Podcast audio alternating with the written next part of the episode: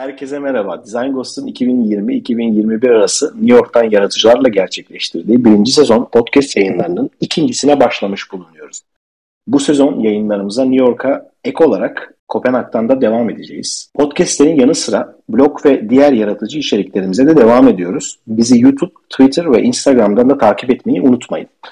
Bu haftaki konuğumuzu tanıtmadan önce Design Ghost Usta Çırak platformu ile ilgili size kısa bir bilgi vermek istiyorum. designghost.com web platform ve Design Ghost iOS app indirerek Türkiye'nin yaratıcı iletişim sektöründe yer alan tecrübeli, ödüllü, yıldız ustalarıyla direkt iletişim kurabilir, feedback tool'a projelerinizi yükleyerek onlardan yorum alabilirsiniz.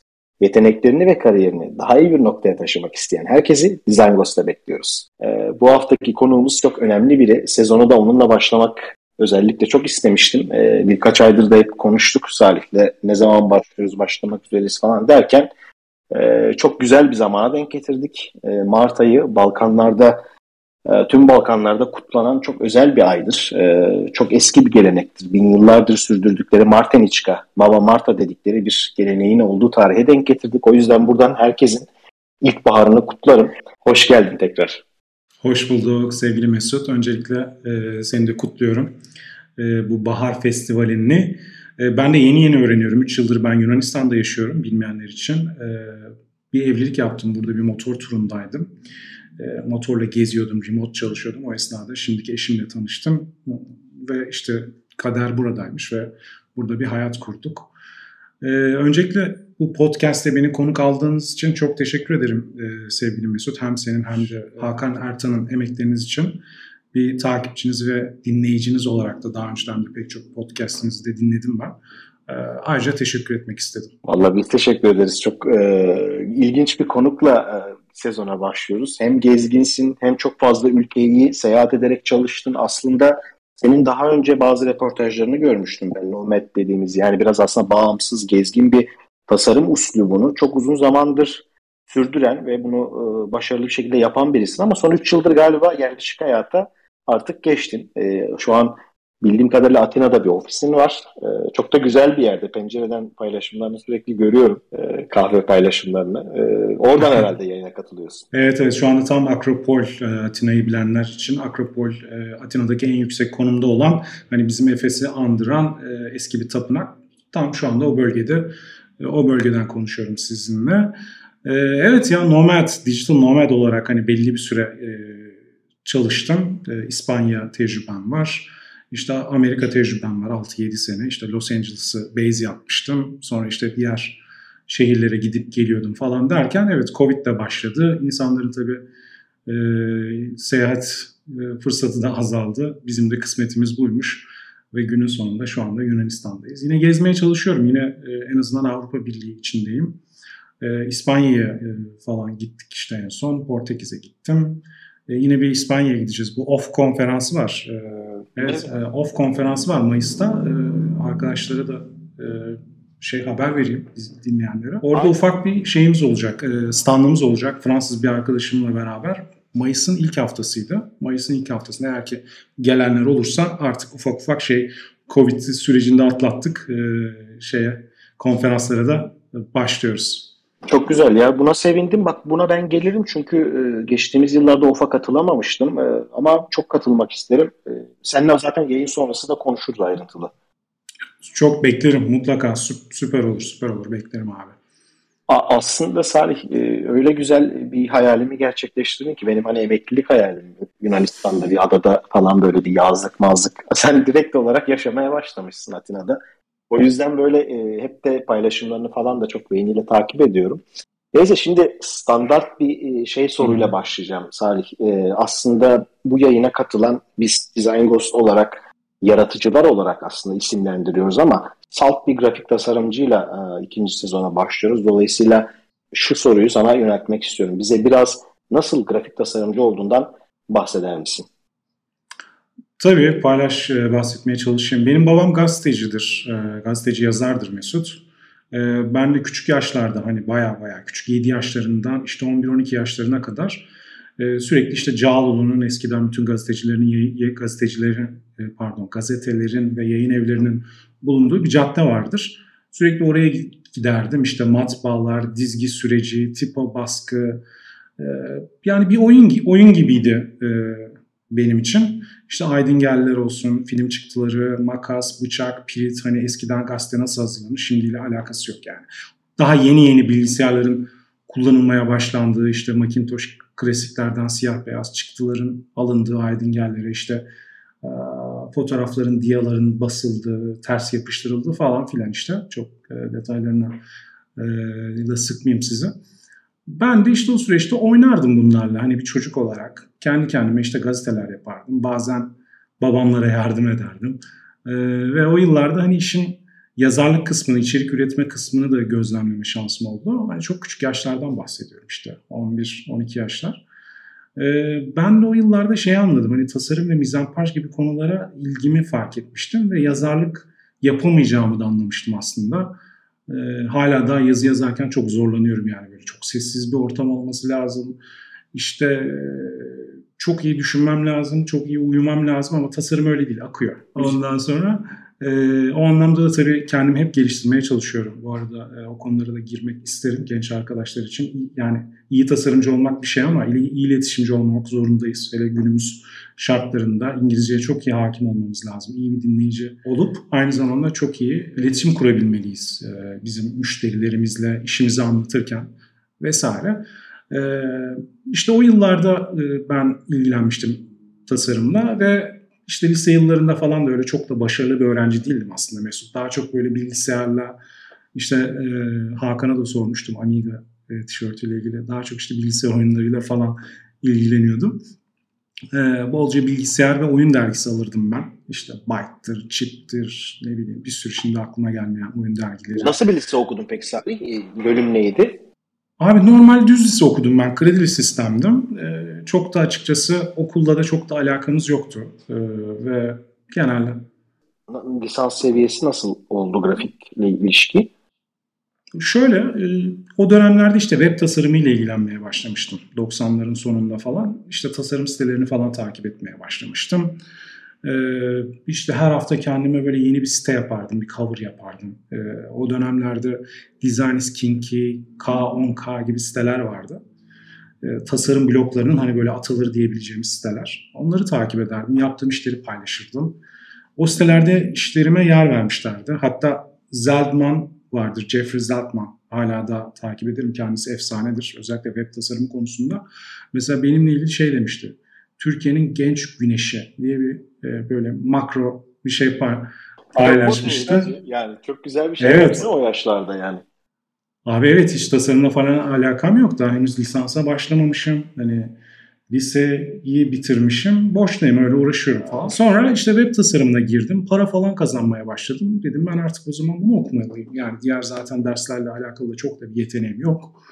Ve e, para da kazanıyordum. E, ve Bilgi Üniversitesi'ne girdim ben görsel iletişim tasarımına. O esnada e, yurt dışındaki işte Design is mesela Avustralya'dandı ve Avustralya'daki e, tasarım akımı bana böyle çok yakın geliyordu. Kendime yakın hissediyordum o akıma.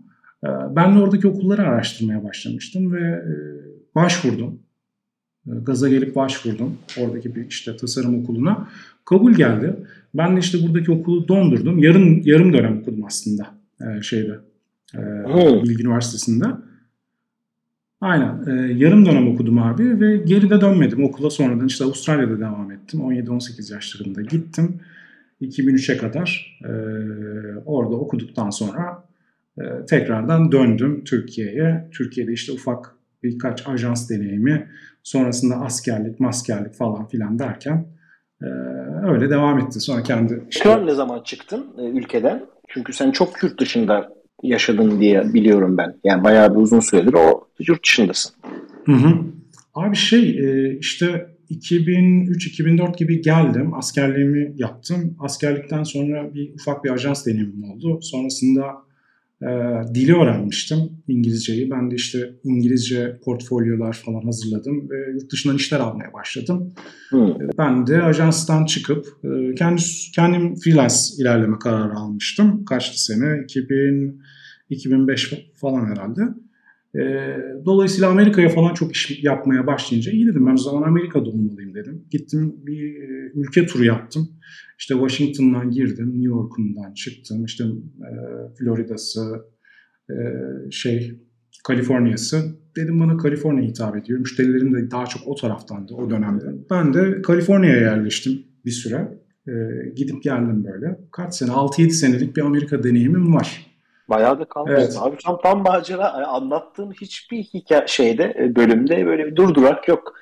Bir de e, grafik tasarımcı olmaya da grafik tasarımcı olarak başlamışsın. Yani genelde podcastlerde de hep soruyu mutlaka soruyoruz. Genelde %50-50 oluyor. Ya böyle senin gibi zaten bu işi yapıyor olup da tasarım okuyorlar ya da tesadüfen ya da tesadüf demeyeyim de tasarım okumaya başlıyor ve öyle e, bu işi yapmaya başlıyor. Öyle hikayen hakikaten ilginç. Zaten hani bir kısmına hakim biliyordum ama ayrıntıları podcast'te duymak çok güzel oldu. Peki sen kendini iletişimin hangi alanında konumlandırıyorsun? Yani reklam, kültür, sanat, web, mobil, prodüksiyon. Yani tam bir Salih Küçükar şunları şunları yapıyor dediğimiz bir alan var mı? Abi işin reklamcılık kısmında e, çok yokum diyebilirim aslında ama diğer tüm alanlarla ilgiliyim aslında. Ama asıl uzmanlık alanım son yıllarda e, kimlik tasarımı ve ambalaj tasarımı olmakla beraber web ve arayüz tasarımlarıyla da son dönemde tekrardan e, uğraşmaya başladım. Süper. O zaman e, şunu sorayım sana. Covid'den sonra iletişim sektörünün değiştiğini düşünüyor musun? Ya da müşterilerinle olan ya da iş akışında herhangi bir değişiklik oldu mu? Ya da senin bu e, uzaktan çalışma modelini zaten önceden deneyimden biri olarak şu an tam olarak bu sisteme geçilmesiyle ilgili bir yorumun var mı? Onu da merak ediyorum aslında. Abi şey Covid'den sonra e, yani bayağı bir şey değişti tabii sektörel anlamda dünyada falan ama ben zaten hani internet üzerinden remote çalıştığım için uzun zamandır benim hayatımda pek de bir şey değişmedi. Sadece geze, gezemiyorum dum yani bir süredir ama artık onda açıldı sınırlar falan. E, o anlamda e, bizim tarafımızda işler çok arttı. Hani internet üzerinden e, siparişler çok fazla arttığı için çok fazla startuplar oluşmaya başladı. E, bunun bunlar oluşunca tabii tasarım hizmeti isteyen müşteriler arttı. O anlamda bizim piyasaya çok katkısı olduğunu düşünüyorum Covid'in. Peki şimdi şöyle bir sorun var. Ee, tasarımcı kimdir? Nasıl düşünür? Nasıl yaşar? Bu soruyu aslında senin gibi birine sormamın çok önemli bir tarafı var. Çünkü zaten sen bu tanıma çok uyan birisin. Yani e, bağımsızlığını kazanan, kazanmış birisin. Maceracı birisin, meraklı birisin. E, ayrıca e, sürekli de form değiştiriyorsun. Dolayısıyla burada hani senin cevabını tabii yaşamını anlattın. Zaten aslında anlattığın şey bu sorunun cevabı ama bir de senden de duymak istiyorum. Yani tasarımcı tam olarak kimdir? Hı hı. Nasıl düşünür ve nasıl yaşar? Belki sen burada nasıl yaşamalıyı da, nasıl düşünmeliyi de söyleyebilirsin bize. Ya bana göre tasarımcı yani çok klasik olacak ama problemleri tespit edip yani görüp, tespit edip, üstüne kafa yorup e, ve çözüm sunan, üreten kişidir. E, ve bu sunduğu çözümlerin içinde de bana göre mutlaka parlak bir fikir barındırmalıdır. E, tasarımcının hani tarzı olmalı mı olmamalı mıdır diye çok klasikte bir soru vardır. Bana göre kesinlikle olmalıdır e, diyenlerdenim ben. E, çünkü bu tarzımız sayesinde hem kendi projelerimiz içinde e, yani kendi ürettiğimiz projeler içinde e, bir fark yaratabiliyoruz hem de müşterilerimize sunduğumuz problem çözümleri içinde de tarzımızla fark yaratabiliriz. Yani bir farklılık ortaya koyabiliriz dokunuşumuzla diye düşünüyorum. E, tasarımcı bence meraklı bir şey bireydir. Senin de söylediğin gibi her şeyden önce.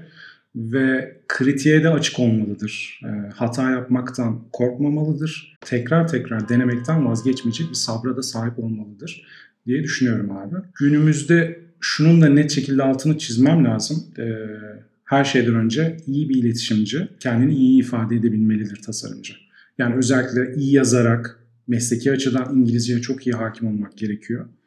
Onun dışında e, bolca gezer, okur, araştırır ve izler tasarımcı. Yani bu benim bakışım tabii.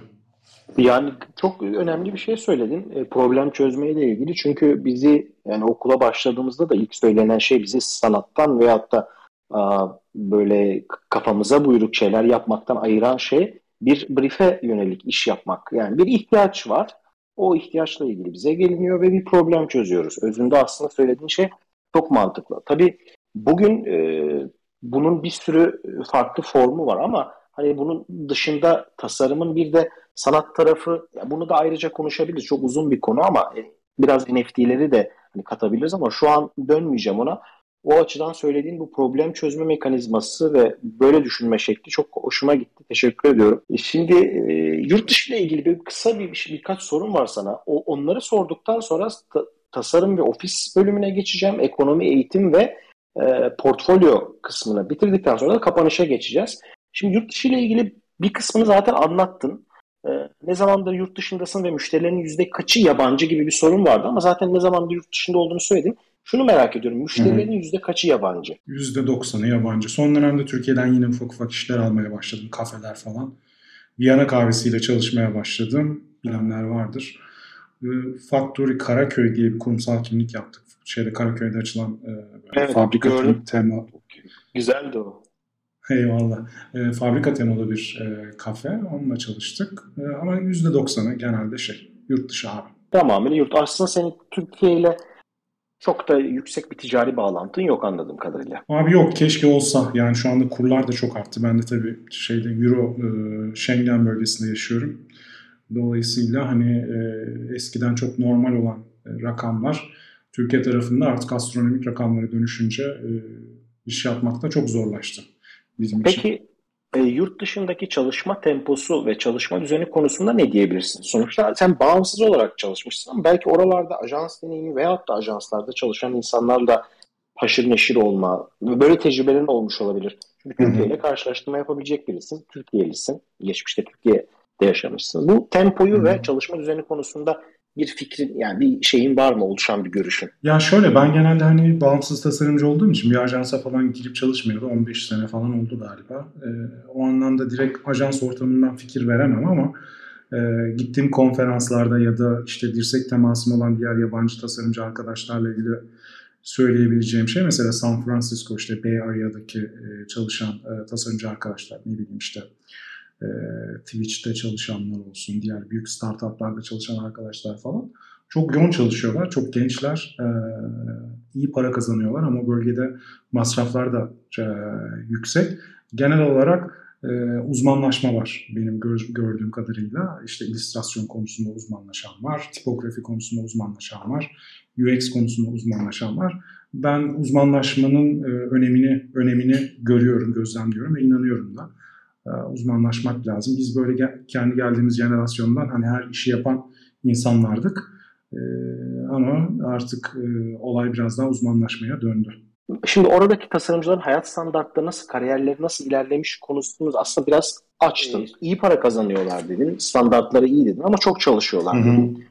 Şimdi bunu tabii biz hani ara sıra yurt dışında olan özellikle tasarımcılara soruyoruz ki Türkiye'deki tasarımcılar bunun kıyasını yapabilsin. Burada hayat standartları bakımından Türkiye'deki tasarımcılarla çok farkları olduğunu, yaşantılarını düşünüyor musun? Kariyerlerinde hani biraz daha iyi yaşadıklarını. Ya mutlaka. Mutlaka Mesut mutlaka. Ee, sen de çok iyi biliyorsun yurt dışında yaşamış, hala daha yaşayan birisin. Ee, ciddi fark var. O anlamda e, bizim e, Türk gençleri olarak e, mutlaka dilimize yatırım yapmamız lazım ve dışarıya açılmamız lazım. E, kendimizi, kendi potansiyelimizi kullanabilmek adına. O anlamda artık bariyer çok fazla açılıyor maalesef Türkiye ve yurt dışı arasında hani kazanılan maaşlara falan baktığımız zaman. Doğru. Ee, o anlamda standartlar eskiden yakındı birbirine ama maalesef şu anda şey açılıyor gözlemlediğim kadarıyla. Bir de biliyorsun e, bilmiyorum podcast'te bir sürü tabii ajanslarda çalışan arkadaşlar vardır. Belki bu kısmı kullanırsın kullanmazsın o, o senin takdirin ama bir sömürü düzeni de var e, şeyde ajanslarda. İstediğin gibi konuşabilirsin istediğin ha. gibi. Yani sömürü, sömürü düzeni de var ve çok düşük maaşlara çok ciddi e, mesailer harcayıp e, maalesef e, ömürlerini tüketiyorlar. E, bu e, kısır döngüden kurtulmak için mutlaka e, iletişimimize ve dilimize yatırım yapmamız lazım. Yani ne kadar iyi tasarımcı olduğumuz önemli ama daha da önemlisi e, doğru müşterileri bulup e, doğru kişilere ulaşıp doğru işleri yapabilmek. Bunun için de doğru mecralarda doğru iletişimi kullanabilmek önemli. Kendini ifade edebilmek, kim olduğunu anlatabilmek ve e, bu konuda da kendini sürekli geliştirebilmek, yenileyebilmek. Bunun için de artık dünya tek bir e, şey. Yani herkes e, aynı dili konuşuyor. E, globalleşme var. Dolayısıyla e, pastanın içinde yer almamız gerekiyor bizim Türk grafik tasarımcıları olarak diye düşünüyorum. Burada genç tasarımcılar için çok güzel bir e, şey söyledin. Hani bunu herkes de söylemez. Zaten Türkiye'de yaşayanlar bunu kesinlikle söylemez. Bu, bu bilince umarım erkenden e, ulaşırlar. Çünkü e, sonuçta e, belli bir noktaya kadar devletlerin politikaları işte yaşamlarımız üzerinde çok etkisi var ama diyelim ki bu olumsuz bir etki. Bu olumsuz etkiyi de onların e, tekrar devletten ya da politikalardan beklemek de çok büyük bir zaman kaybı. Dolayısıyla Salih'in dediği şey kendi kendimize bu durumu değiştirebilmek e, elimizde. Ayrıca ülkenin dışına çıktığımızda da hakikaten Salih'in dediği gibi inanılmaz zaten globalize olmuş bir iş dünyası var her yerde. Herkes her, herkes de çalışıyor. Ortak bir dil var. Aslında e, bir kesim kabul etmese de dünyada dünya artık tek bir şey noktasına gidiyor. Tabii henüz bunun için belki insanlık olarak daha e, vaktimiz var ama ben ticari olarak bunun zaten oturduğunu düşünüyorum Salih. Sen ne diyorsun bilmiyorum ama herkesin herkesle ticari bir ilişkisi var artık bugün. Dolayısıyla tasarım da çok büyük bir pazar. Salih, evet globalleşmeden bahsettik. İşte yurt dışına çalışmaktan bahsettik ama yaşadığımız yerin hayat standartlarımızın yaratıcılığımıza etki ettiğini düşünüyor musun? Ya da sen Atina'da yaşıyorsun. Bunun seni çok olumlu etkilediğini ya da olumsuz etkilediğini yani oran olarak söylesem ne derdin? Ee, çok çok etkiliyor. Beni çok etkiliyor ama kişiye göre değişir. Hani böyle çok kısıtlı imkanlarda, kısıtlı ortamlarda yaşayıp inanılmaz deli yetenekli insanlar var. Kişiye göre değişir. Beni şu anlamda Atina besliyor. Atina çok özgür, özgürlüğüne çok düşkün bir halk. E, Yunanlar benim gözlemlediğim kadarıyla. Hatta bir mottoları var. Ya özgürlük ya ölüm diye Wikipedia sayfaları falan da var. Tabii bunun arkasında bir sürü tarih, tarihi dinamikler de var e, falan ama çok da derine girmeden. Dolayısıyla beni burada en çok e, besleyen şey kendimi, kendimi özgür hissetmem. İstediğim şeyi yapabilmem ve istediğim şeyi yaparken hiçbir şekilde bir müdahale müdahaleyle karşılaşmamam. Yani Atina'da istediğin şeyi yapıp istediğin gibi giyinebilirsin istediğin dili konuşabilirsin. Ben, ben mesela burada sürekli telefonla konuşuyorum ya da çekimler yapıyorum Türkçe falan. Kimse bir kişi dönüp bakmıyor. bu adam yabancı, bu adam işte Türkçe konuşuyor. Türkçenin de Türkçe'ye de kulak aşinalıkları var. Ee, dolayısıyla e, o anlamda beni e, rahat ettiğim yer Atina. E, diğer taraftan mimari anlam mimari anlamda olsun, şehircilik anlamında olsun. Atina öyle çok çok güzel bir Avrupa şehri değil. Ama o 70'lerin 80'lerin ruhu beni çok e, beslediği için çok güzel dokular bulabiliyorum. Her kafamı çevirdiğimde böyle çok da yenilenme olmayan bir e, şehir. İşte İstanbul gibi böyle bir şantiye olmayan bir şehirden bahsediyoruz. Dolayısıyla e, İstanbul, İzmir karması ama bizim böyle bir 20 yıl önceki e, versiyonumuz gibi düşünebilirsiniz Atina'yı. Yüksek bina falan da yok. O anlamda çok besleniyorum ben Atina'dan. E, zaten kültürüne ve e, coğrafyası da zaten bana göre hani dünyadaki en iyi coğrafyalardan biri bu Ege bölgesi bizim tarafla. O anlamda ben çok mutluyum yani. Zaten e, Atina'ya geldiğimde buraya geliş hikayemden de bahsedeyim istersen. Buraya ben motor motor turuyla gelmiştim. E, adalardan başlamıştım. Bodrum'dan Yunan adalarına geçmiştim. Yunan adalarında bir ay falan vakit geçirdikten sonra tabii remote çalışıyorum bu esnada. Hani hem böyle işte gittiğim kaldığım Airbnb evlerinde falan çalışıyorum. İşte günün belli bir saati sabah denize gidiyorum, geziyorum, motor turuna çıkıyorum falan öyle bir turdaydım. Ee, Atina'ya geldim. Bir hafta kalmayı planlamıştım. Yani ne yapacağım dedim. Hani bir haftadan uzun Atina'da. Ama e, kendimi bu çok böyle buraya aitmiş gibi hissettim. Çok garip bir şekilde ve bir aya çıkartmaya karar verdim turumu. Yani şey kalış sürecimi Atina'da. E, o esnada da işte eşimle tanıştım şu andaki eşimle ve e, birbirimizle işte kaynaştıktan sonra bir sene falan sonra evlilik kararı aldık. ve şu anda hiç aklıma gelmeyen aklıma gelmeyen bir ülkede hani Türkiye'de yaşıyorsun birçok yere gittim ama hani hiç böyle Yunanistan'a gideyim diye aklıma bile gelmemişti. Son döneme e, denk geldi bu tarafa gelmem. Bizim kısmetimiz de burasıymış artık. Vay be. Yani ben evet. oradaki şey ayrıntısını bilmiyordum. Yani düşünsene bir hafta sonra dönsen şu an hayatındaki kadın olmayacaktı. E sen 3 e, hafta daha uzatarak aslında hayatının aşkını bulmuşsun. Yani evet gerçekten enteresan. Güzel. Abi valla umuyorum orada yaşlanırsın da ben de zaten e, geleceğim o taraflara hani e, her şey yolunda giderse. Gerçi Kuzey'i de çok seviyorum. Şimdi Kopenhag'dayım. Ben de bayağıdır son 3 yılımı sürekli seyahat ederek farklı kültürleri tanıyarak geçirdim. Artık ama Kopenhag'da karar kıldım. Bir aksilik olmazsa istiyorum yani yaşamak istiyorum, yaşayacağım da. Ama hayalim tabii ki e, Yunanistan benim de. Umuyorum orada karşılaşacağız seninle e, emekli olduğumuzda diyeyim.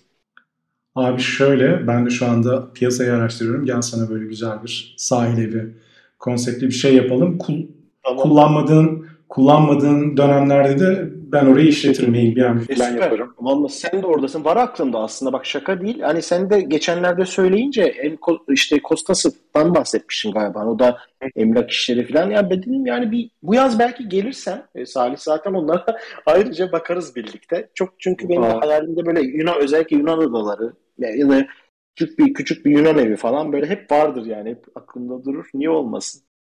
Beklerim, beklerim. Abi, eyvallah. Şimdi tasarım ve ofis tarafına geçeceğim. Şimdi e, Studio Garage Design tam olarak nedir? Nasıl bir ofiste ne tür işler yapıyor? Yani tam ne tür işler yaptığı noktası anlattın ama bu isim ve isimle bağdaşan anlamı tam olarak nedir?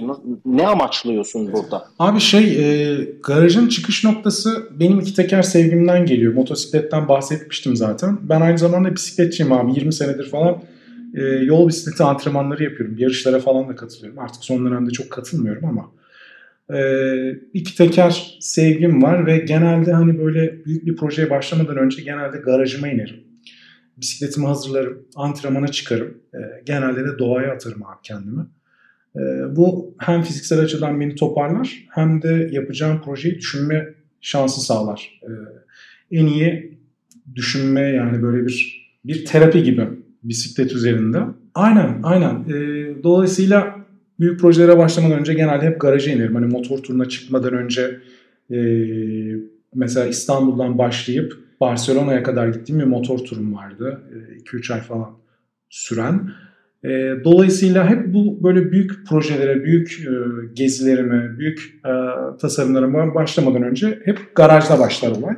Dolayısıyla benim ilhamım e, oldu bu garaj. E, birinci sebebi bu. İkinci sebebi daha bir şey. Biliyorsun e, Kuzey Amerika'da özellikle büyük inovatif firmalar falan hep garajlardan çıkmış işte Apple gibi. E, bu anlamda da hani biz de böyle tutkulu ve hedefleri olan startuplarla çalıştığımız için bu garaj e, startup ruhunu da e, yansıtmaya çalışıyoruz. O öyle bir hikayesi var. Çok güzel ya felsefesini çok seviyorum. E şimdi ben de e, motosikleti seven, motosiklet kullanan biriyim. E, ayrıca bir de şey tarafına da dokunman da güzel olmuş. Startupçılara karşı daha sıcak olan bir tutum e, noktası da hoşuma gitti. Eyvallah. Senin sizin yeriniz de öyle şeyde Kadıköy'de böyle bir GS'leri falan çekiyordunuz değil mi? evet evet aynen. Sizde de o ruh var yani aynen. Garaj biz de böyle yarı garaj yarı ofis gibi planlamıştık. Hakikaten bisikletlerimiz, motorlarımız. Ya burada şeyi de görüyorum Salih aslında yaşama sevinciyle işi birleştirmeye çalışan herkesin buluştuğu bir ortak nokta var. Yani kendisine iyi bir alan yaratma, iyi bir inanabileceği bir felsefe yaratma. Sonra bunu inandırabileceği şekilde de işini yapma. Hakikaten bizim işimizin en sevdiğim yanı keyif aldığımız şeylerin işimize direkt yansımasının olması. Yani belki bir askerin ya da doktorun ya da mühendisin hobisinin direkt olarak işe yansıması daha duygularla ilgiliyken bizde böyle hani bir bisiklet sürüyorsun ama bisikletin işte markasını da tasarlayabiliyorsun ya bir bisiklet markasını ya da motosiklet. E, o açıdan böyle çok güzel tarifledim. E, şimdi bir de, bir de motor heyecanım da birden e, şey oldu bugün. Havalarda ısınmaya başladı. Peki e, Türkiye'deki reklam ajanslarına üç, üçüncü parti olarak hizmet verdin mi? Çalışma şekillerinde olumlu ya da olumsuz bulduğum bir şeyler var mı? Yani üçüncü parti olarak diyorum. Direkt çalıştım mı dedim. Bu konularla ilgili senin çok çok daha fazla bilgin vardır. Açıkçası benim çok bu konularla ilgili fikrim yok. İşte dediğim gibi hani en son 15 sene önceki ajans ortamlarını hatırlıyorum Türkiye'deki. E, belirttiğim gibi biraz da sömürü, sömürü düzeni vardı açıkçası ama hani içine girince dışarıdan tabii daha farklı olur çalışması ama çok çok çok da dışarıya hizmet vermedim e, tasarım anlamında. E, reklam ajansları daha çok hani illüstrasyon ve prodüksiyon işlerini üçüncü partilere veriyorlar ama benim gibi salt grafik tasarım yapanlara çok da iş vermiyorlar diye düşünüyorum. Ee, yine şu anda veriyorlar. Yani şu anda hmm. biraz artmış o çünkü içerideki art direktör sayısı azaldıkça ve barınma e, yani son aldığım duyumlara göre hani biraz daha hmm. şu art direktörü bulamadıkları için salt grafik tasarımcılarla da yoğun bir şekilde çalışmaya başlamışlar. Hmm. Neymiş abi? Tabii daha, e, tabii daha yüksek bedeller ödeyerek yani e, kendi art direktörlerine ödemedikleri bedelleri bugün freelance'lere daha yüksek bedeller ödeyerek sürdürülebilir bir şey yapmaya çalışıyorlar ama çok da işe yaramadığını duyuyorum. Günü kurtarıyorlar her zamanki gibi. Çok doğal. Bir diğer taraftan bağımsız çalışmaya e, başlıyorlar tasarımcı arkadaşlar e, ve art direktör bulamıyorlar herhalde piyasada evet, evet, ajanslar. E, yani bu alana girmek isteyen insanları da hep böyle demotive edici konuşmaları da hani ajanslarla ilgili oluyor ama ben bunun bir noktada değişeceğini, daha iyiye döneceğine hep inanıyorum. Ee, çünkü hani daha böyle lokal iyi niyetle açılan yerler de var Salih. Yani yerli ajanslar Hı-hı. da var. E tabii globallerin biraz Türkiye'de uyguladıkları politika bence o konuda da temiz değiller. Mesela bir işte Amsterdam'da ya da Kopenhag'daki bir global ajansın e, verdiği e, nasıl diyeyim çalışanıyla olan ilişkisiyle bence İstanbul'dakinin aynı değil. Orada da çok adil olduklarını düşünmüyorum aslında global ajansların. Belki e, bunu tabii orada çalışanlar daha iyi bilirler ama ben de uzun zamandır uzağım. Neyse bu konuyu da böyle bir yani sana bir sormak istemiştim. Abi şeyi belirteyim ben. Ufak bir not tekrardan söyleyeyim. E, genç arkadaşların dinleyeceğini tahmin ederekten. Benim buradaki önerim e, tekrar altını çiziyorum. Dilinize ve iletişiminizi geliştirmeye odaklanın. Yani ve kendi yolunuzu çizebilirsiniz. Ajansların yeri her zaman önemli. Mutlaka tecrübe kazanmak için, e, en azından bir kültür e, almak için çalışabilirsiniz ama e, bence her zaman tasarımcı olarak e, bireysel yolu çizilmesinden taraftım, çizilmesinden yanayım. Yani ben kendim öyle gittiğim için o konuda tavsiye verebilirim. Zaten bireysel olarak güçlenen bir tasarımcı, tarzı oturan bir tasarımcı artık ajanslarla da böyle direkt dirsek teması hani danışman gibi proje bazlı veyahut da dönemsel çalışabiliyor. Dolayısıyla hani aslında bağımsızlık dediğimiz şey hiçbir şey yapmamak, hiçbir kuruma bağlı olmamak değil. Kurumlarla ve kişilerle, startuplarla ya da büyük şirketlerle istediğin gibi çalışabilmek bence Salih. Yani bugün işte senin sahip olduğun tecrübeden Atina'da atıyorum iyi bir ajans yararlanmak istediğinde zamanını ve şeyini onlara satabilirsin. Ee, dolayısıyla Kesinlikle. kendini evet kendini iyi noktada geliştirmek hakikaten hep önemini bir kez daha böyle şey yapıyor. Peki hı hı. ödüller konusunda, ödül almak konusunda ne düşünüyorsun? Şimdi e, bu ödül dediğimiz mekanizma ajanslar bunu alıyor, tasarım ofisleri alıyor ama tasarımcılar da ödül alıyor. Dolayısıyla senin burada hani bir bağımsız tasarımcı olarak ödüllere bakışını ben merak ediyorum aslında. Yani açıkçası ödüllere çok kafa yormamaya çalışıyorum ben. Daha çok hani e, dediğim gibi kendi işini geliştirmek, iyi iş üretmek, e, sevdiğin işleri yapmak kısımlarındayım daha çok. Hani ödüllerle ilgili çok da bilgim yok ama e, gördüğüm kadarıyla biraz da körler sağ, sağırlar birbirine ağırlar durumu var. O yüzden de çok da e, ben girmedim şahsen. Hiçbir yerde bir şeyde yollamadım şu ana kadar ödül anlamında. Ama tabii motive ediyorsa sektöre katkı sağlayan bir ödül, yarışma herhangi bir şey varsa harika. Ama çok da soru işaretleri oluyor benim Anladım. Güzel. dışarıdan dışarıdan baktığım kadarıyla. tamam. Ee, peki şimdi ekonomi tarafına biraz geçelim. Şimdi e, benim şöyle bir sorum var sana. Potansiyelini tam kullanabilen bir müşteri çıktı mı karşına ya da bu müşteriler çok iyi işler yaptın dediğin kaç müşterin var? Sonuçta e, şimdi her yap, her çalıştığımız müşterileri yüzde yüz doyum, işte yüzde yüz yaratıcılık, yüzde yüz maliyetlerde anlaşmak mümkün değil ama mutlaka böyle bir projelerin ya da iyi seni mutlu eden işler olmuştur. E, ya da olmaya devam ediyordur. Bunları merak ediyorum şu an bulunduğun konum itibariyle. Abi ben şanslı olduğumu düşünüyorum biraz bu konuda. Ee, hani full potansiyelimi kullanabildiğim, e, iş üretebildiğim çok kıymetli müşterilerle tanıştım. Hala da ilişkilerimiz devam ediyor. Ee, mesela Brooklyn merkezli e, sizin de New York ayağınız var. Bushwick e, Keyifli'de bir mahalledir. Bushwick çay var mesela. Bushwick Tea.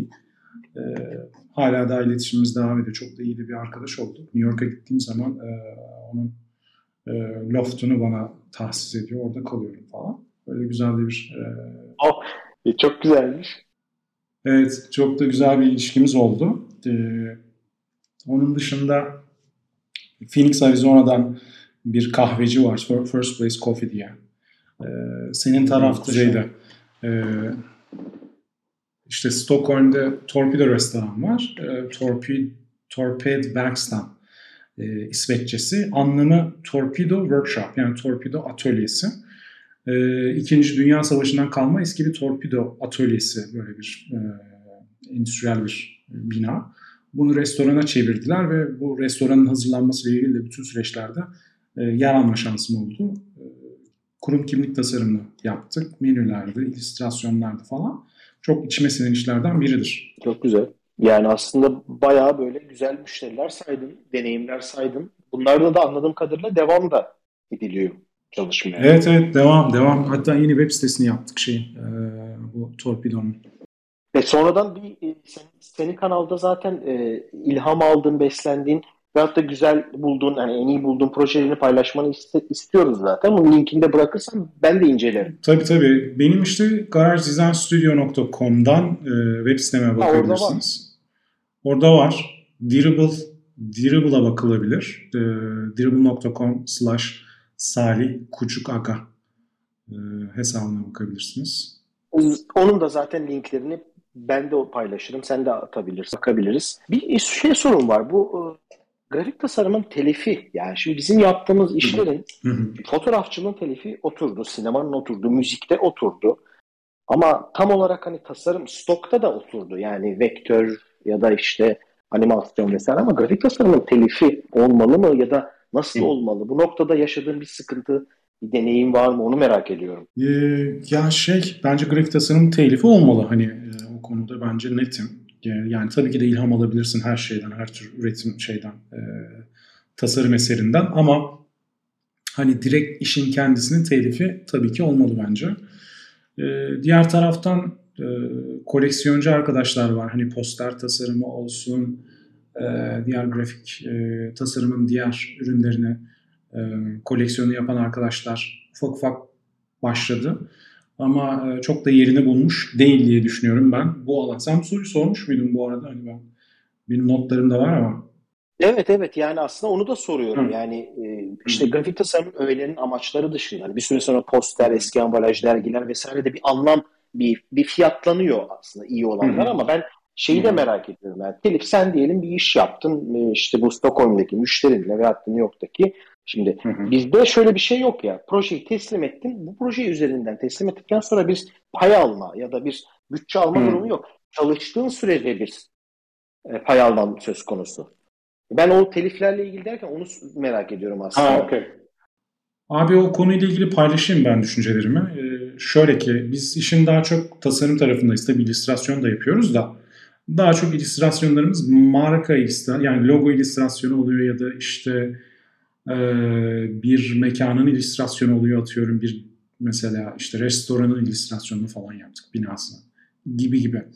Dolayısıyla bunlar e, çok böyle bir reklam illüstrasyonu gibi olmadığı için e, telif tarafında değiliz biz o anlamda. Hani kullanıldıkça telif alırız ya da şey. Yani biz onları daha çok kalem bazında düşünüyoruz. E, yani bir logo tasarımı gibi düşünüyoruz. E, o anlamda bizim şeyimiz çok net. E, onaylanan işin biz telifini karşı tarafa transfer ediyoruz. Yani ödemeleri ve e, projenin şartları tamamlandıktan sonra karşı tarafa copyright'ı transfer edilir. Ama bu o, sadece kullanım e, haklarına sahip olur e, müşteri. E, yine üreticisi olarak e, eser sahibi yine sen oluyorsun ama karşı tarafa biz tamamını veriyoruz. Ama şöyle bir şey olduğunu biliyorum. Ben Amerikalı illüstrasyon, illüstratör arkadaşlarımdan bildiğim kadarıyla onlar daha çok kullanım üzerinden pay alıyorlar ve onlar daha çok ajanslara iş üretiyorlar. Yani büyük ajansları illüstrasyon projeleri üretip kullanılmaya da kitapta kullanılacaksa şu kadar, TV'ye girecekse şu kadar gibi gibi onların hatta çok da zor bir fiyatlandırma süreçleri var. Yani haftalar harcıyorlar, avukatlar giriyor falan filan. Biz böyle biraz daha hani garaj kafasındayız ya Mesut. Yani startuplarla başlıyoruz. Çok da büyük değil bizim müşterilerimiz. Genelde küçük startuplar olduğu için biz telifi veriyoruz. İşimizde illüstrasyon olmadığı için ana alanımız Ee, bu şekilde benim düşüncelerim. Peki şimdi eğitim kısmına geleceğim. Salih çok fazla yer gezdin. Ee, çok fazla da tasarımcıyla tanıştın. Ama bir yandan da Türkiye'de eğitime başladın. Sonra da gittin Avustralya'da devam ettin. Şimdi bir karşılaştırma e, yapabilecek birisin. Türkiye'deki lisans seviyesindeki grafik tasarım eğitimini ne derece başarılı buluyorsun? Bu arada lisans seviyesindeki görsel iletişim, video bunları da katabiliriz. Bu işi alaylı yapan veya gayet de iyi icra eden insanlar da var bir yandan eğitim almadan.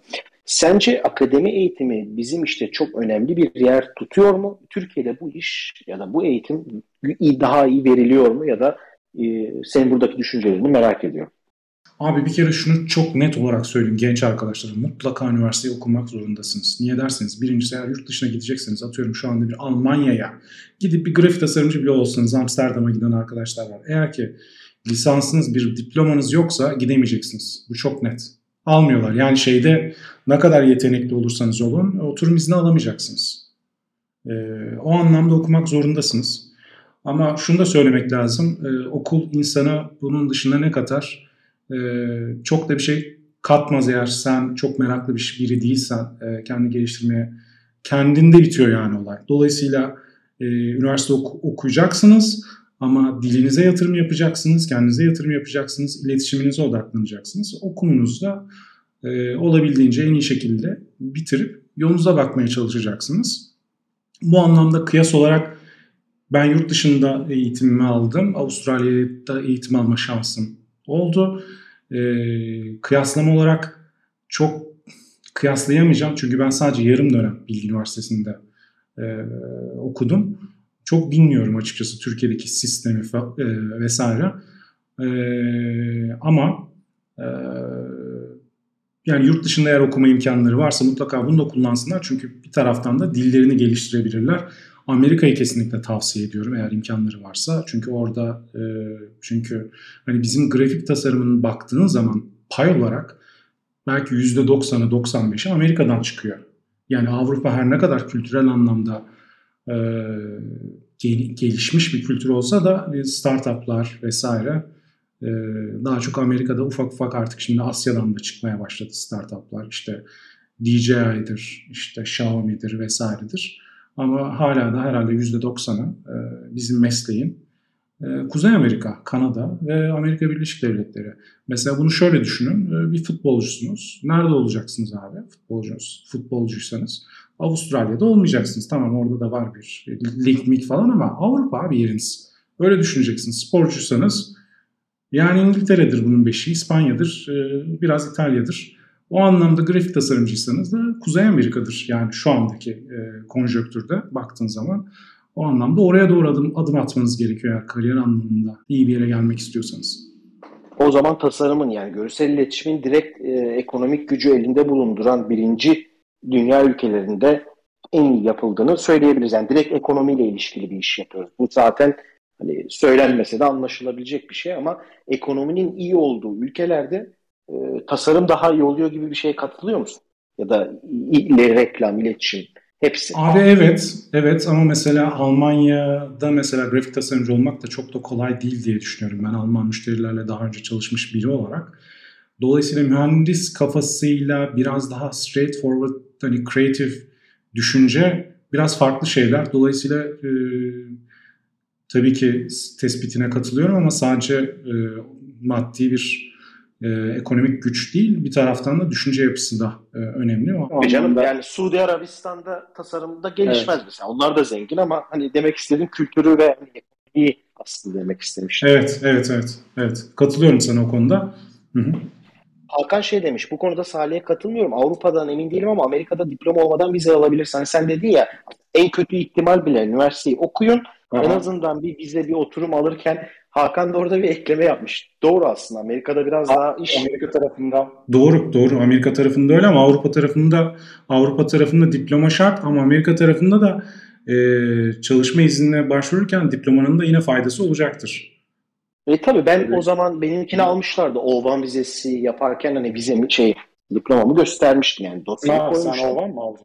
Hmm. Ovan vardı evet ben de oradayken Ovan vardı. Burada Avrupa Birliği'nde ise e, Avrupa Birliği ülkelerinden de ekstradan salih şey yapmıyorlar. Mesela sen diyelim Avrupa Birliği ya konunun çok dışına da çıkmak istemiyorum ama Avrupa Birliği dışından gelen yerlerden evet bir diploma gerekçesi bir tabii bir yasal bir şey var ama Avrupa Birliği içinde de aslında yine portföy e, öne çıkıyor. Sen Avrupa Birliği vatandaşıysan portföyünde iyiyse okulunda bir noktada iş bulurken çok da önemli olmuyor. Aha başlangıçta olabilir dediğin gibi. Sadece bunlar mesela bizi başlangıçta çok e, kolaylaştırıyor olabilir ama ama onun ötesinde ben eğitimin bu tarafının tartışılması gerektiğinden yani bence üniversite kesinlikle okunmalı. Hangi ülkede olursan ol, nerede olursan ol. Üniversite sadece bir hani okumak değil, e, bir sosyalleşme, bir e, arkadaş komünü birlikte bir alanda uzmanlaşmayı e, kazanma da demek. O yüzden ben üniversitenin benim hayatımda da çok büyük etkisi olduğuna inanıyorum. Evet abi şey şey düzelteyim ama sen Avrupa Birliği vatandaşısın. Bizi dinleyen arkadaşlarımızın çoğunluğu değil. Dolayısıyla Avrupa Birliği'nde eğer bir hayat düşünüyorlarsa diploma şart onun altını çizelim. Amerika ile ilgili şart değil ama kolaylık sağlıyor. Sence ülkemizde yaratıcıların bir araya gelmesini sağlayan faktörler iyi mi ya da yeterli mi sorusu var ama bundan önce sen şimdi çok Türkiye'de bulunan biri değilsin. Dolayısıyla meslek birlikleri, GMK, Reklamcılar Derneği gibi Türkiye bazında lokal üye olmayabilirsin ya da sen dünyada bunlara üye misin ya da sence ülkemizde de yaratıcıların bir araya gelmesini sağlayan faktörler yeterli mi ya da iyi mi? Dışarıdan bakış olarak söyleyebiliriz. Böyle bir sorun var. Ama GMK üyeliğim vardı. Şu anda var mı bilmiyorum. Herhalde yoktur artık. Pek bir faydasını görmemiştim GMK'nın. Ee, sadece fiyat listesi yolluyorlardı. Benim üye olduğum zaman da onun dışında pek bir anlam pek bir mana bulamadığım için üyeliğimle ilgili devam etmemiştim. Ama e, bu tip e, dernekler çok önemli e, ama birbirine de destek olabilmeli, faaliyet alanını genişlemeli e, mutlaka bir şekilde taşın altına elini sokmak gerekiyor diye düşünüyorum. Yani önemli e, işte AIGA olsun, GMK olsun. E, GMK da değerli bir e, dernek ama benim iyi olduğum e, dönemde ben pek bir katkısını görmediğim için devam etmemiştim. Şu anda daha iyi olduğunu biliyorum. Daha iyi, ee, daha iyi. Yani ben Aha. tekrar şimdi sekreterliğe de arayıp senin üyelik durumunu teyit ettireceğim bakalım nedir. Belki aidatları falan hani e, bayağı da birikmiş de olabilir. Hala üye olduğunu üye, üyesindir muhtemelen. Sadece aidatlar noktasında bir bakayım ben bir kontrol ettireyim Salih. Yani burada Eyvallah. olman önemli. Yani bence GMK'da senin olman önemli. Biz hepimizin olması önemli. Onu da bir sormuş oldum sana. Eyvah. Şimdi sağlam sağlam sağlam bir fatura çıkacak. taşı taşı da attım. abi şimdi yani euro kazanıyorsun abi yapma Allah aşkına. Bak müşteriler Stockholm'da Amerika'da yani. Valla şunu net söyleyeyim Mesut yapabileceğim bir şey olursa her türlü GMK ile ilgili sen de eğer oradaysan ne zaman isterseniz abi. Eyvallah. Şimdi bir saate yakın konuştuk. Daha bir saat nasıl hissediyorsun? Durumlar, enerji? Devam abi şey benim için sıkıntı yok. Yani. Güzel süper. Yani bak şimdi dedim sana sen dedin ya abi çok uzun sürer bu sorular falan. Yani bir saat oldu ve bunu hani insan şey yapamıyor, anlayamıyorsun da konuşmak da gerekiyor. Konular çok.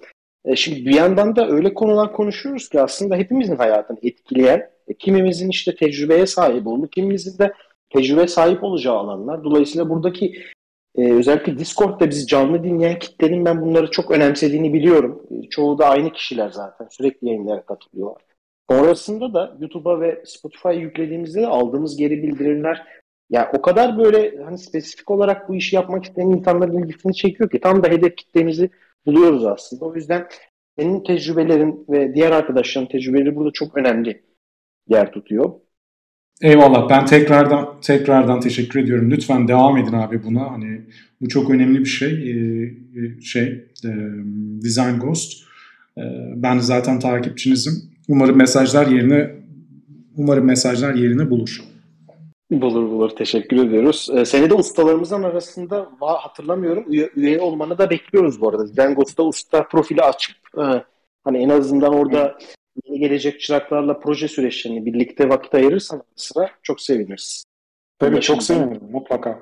Tabii tabii. Şimdi e, portfolyo bölümüne geçeceğim. Hazır hani böyle işte bu işi yeni yapmak isteyen yeni mezunlar, juniorlar, çıraklar dediğimiz işte kitle için bir portfolyo ile ilgili bir birkaç sorun var sana. Şimdi yeni nesil tasarımcılarla e, bir araya geliyor musun? Yani şöyle soruyorum. Sen sonuçta bir iş e, bir iş yapıyorsun.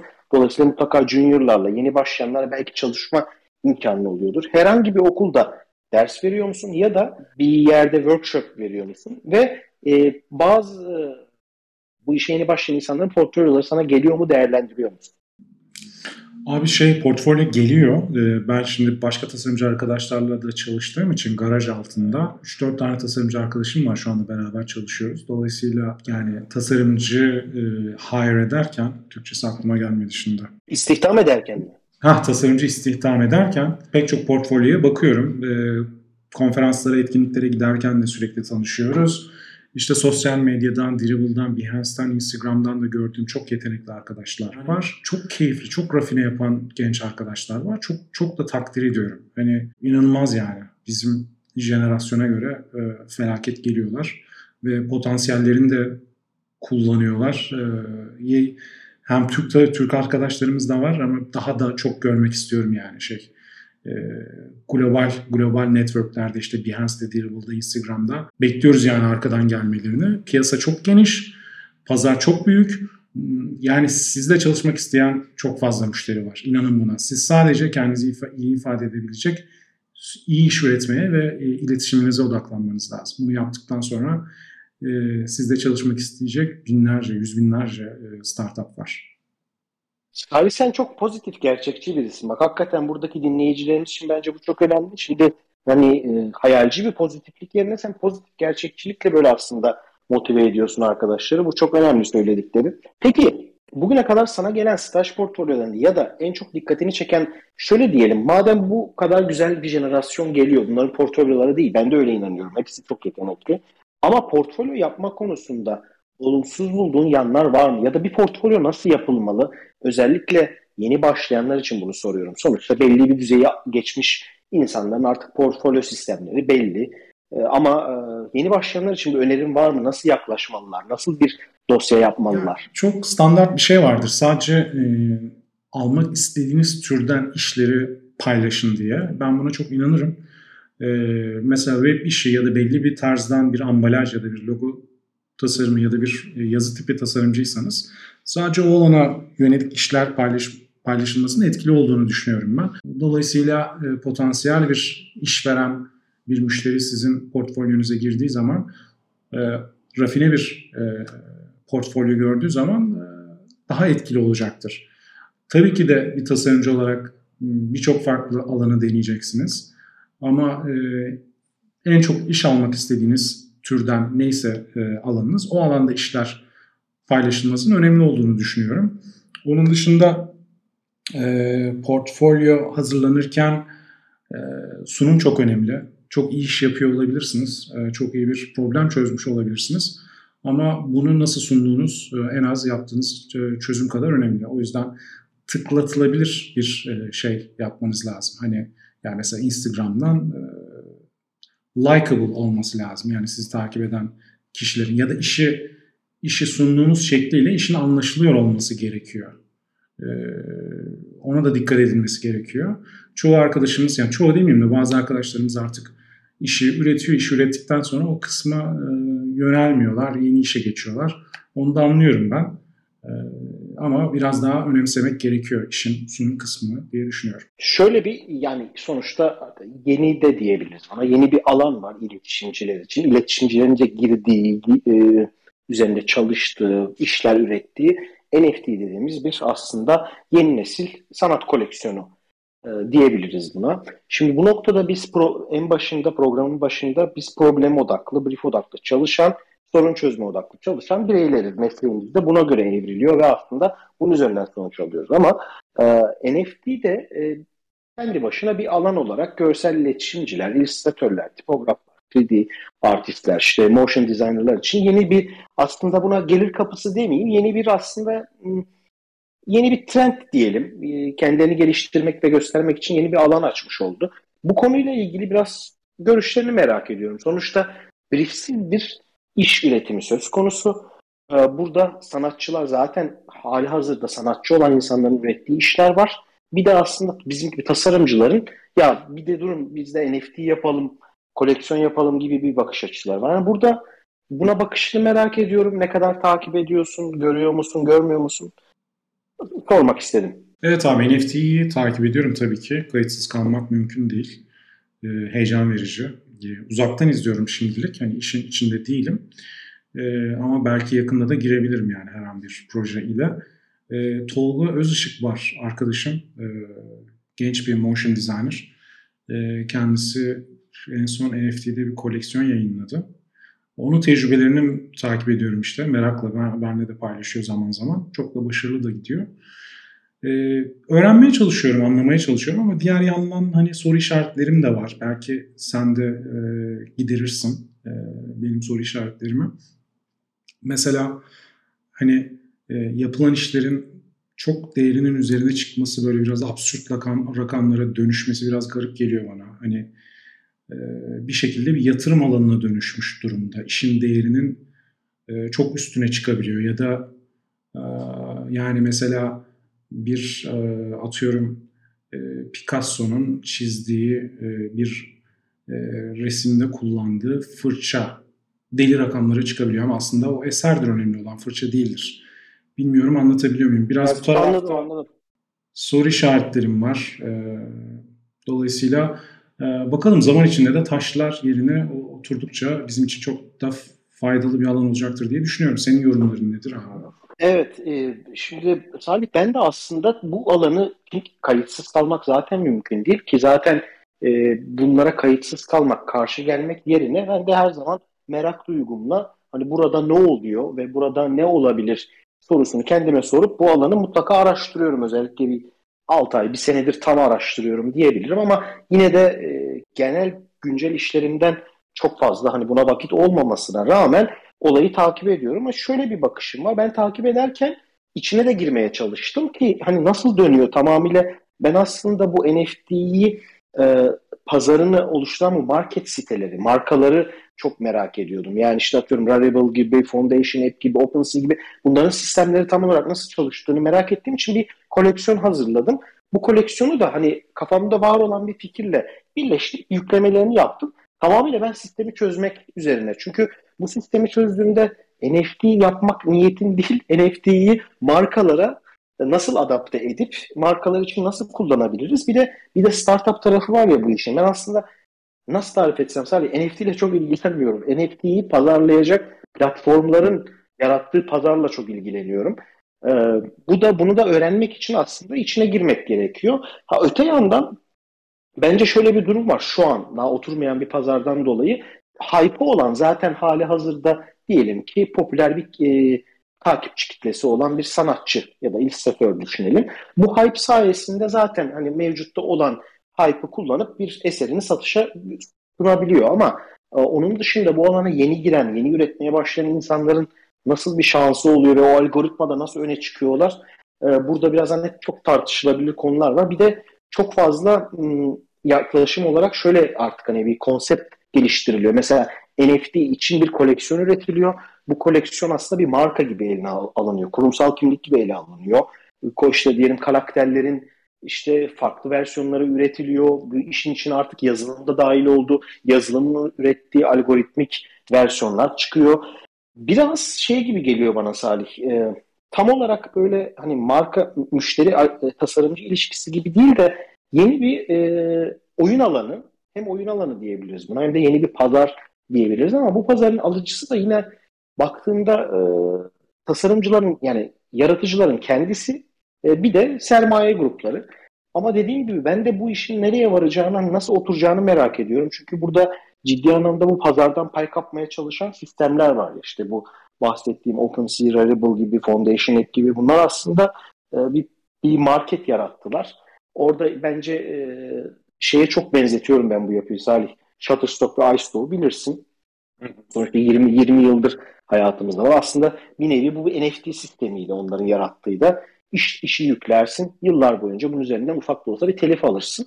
Şimdi bu biraz renk değiştirdi. Farklılaştı gibi geliyor bana. Benim aslında bu noktada 6 ayda öğrenebildiklerim ve e, bildiklerim bunlar diyebilirim. Yani evet çok enteresan işler. İnsanlar daha çok yatırım aracı olarak düşünmeye başladı. Ben biraz daha aslında bizim tarafımıza sağlayacağı katkılar konusunda evet, heyecanlıyım. Evet. Bakalım ne olacak. İnsanlık ve dünya için olumlu anlamda etki yaratabilen bir meslek miyiz sorusu benim öğrenciyken de sorduğum bir soruydu ama Covid ile birlikte biraz daha aslında şekillendi. Çünkü Covid'de yani insanların bilincil ihtiyaçlarını gördük. Sonra tıbbın ne kadar önemli olduğunu, bilimin ne kadar önemli olduğunu gördük. Hakeza Sabri'yi de konuk almıştık. Pfizer'ın kurumsal kimliğini yapan tasarımcıyı da konuk aldık. Hani bu, yani bizim mesleğimiz bir rolü var. Ama bu rol baktığında her yere dokunuyor. Ama çok öncelikli mi, çok önemli mi, değil mi? Bu soruyu hep soruyorum. E, sorum aslında şöyle, insanlık ve dünya için olumlu anlamda etki yaratabilen bir meslek miyiz? Olumlu anlamda. Hı hı. Abi bence kesinlikle. Tasarım dünyayı kurtaracaktır diye bir laf var bilirsin. Ee, bence öyle. Gerçekten öyle. Tasarım dünyayı kurtaracak bir araçtır.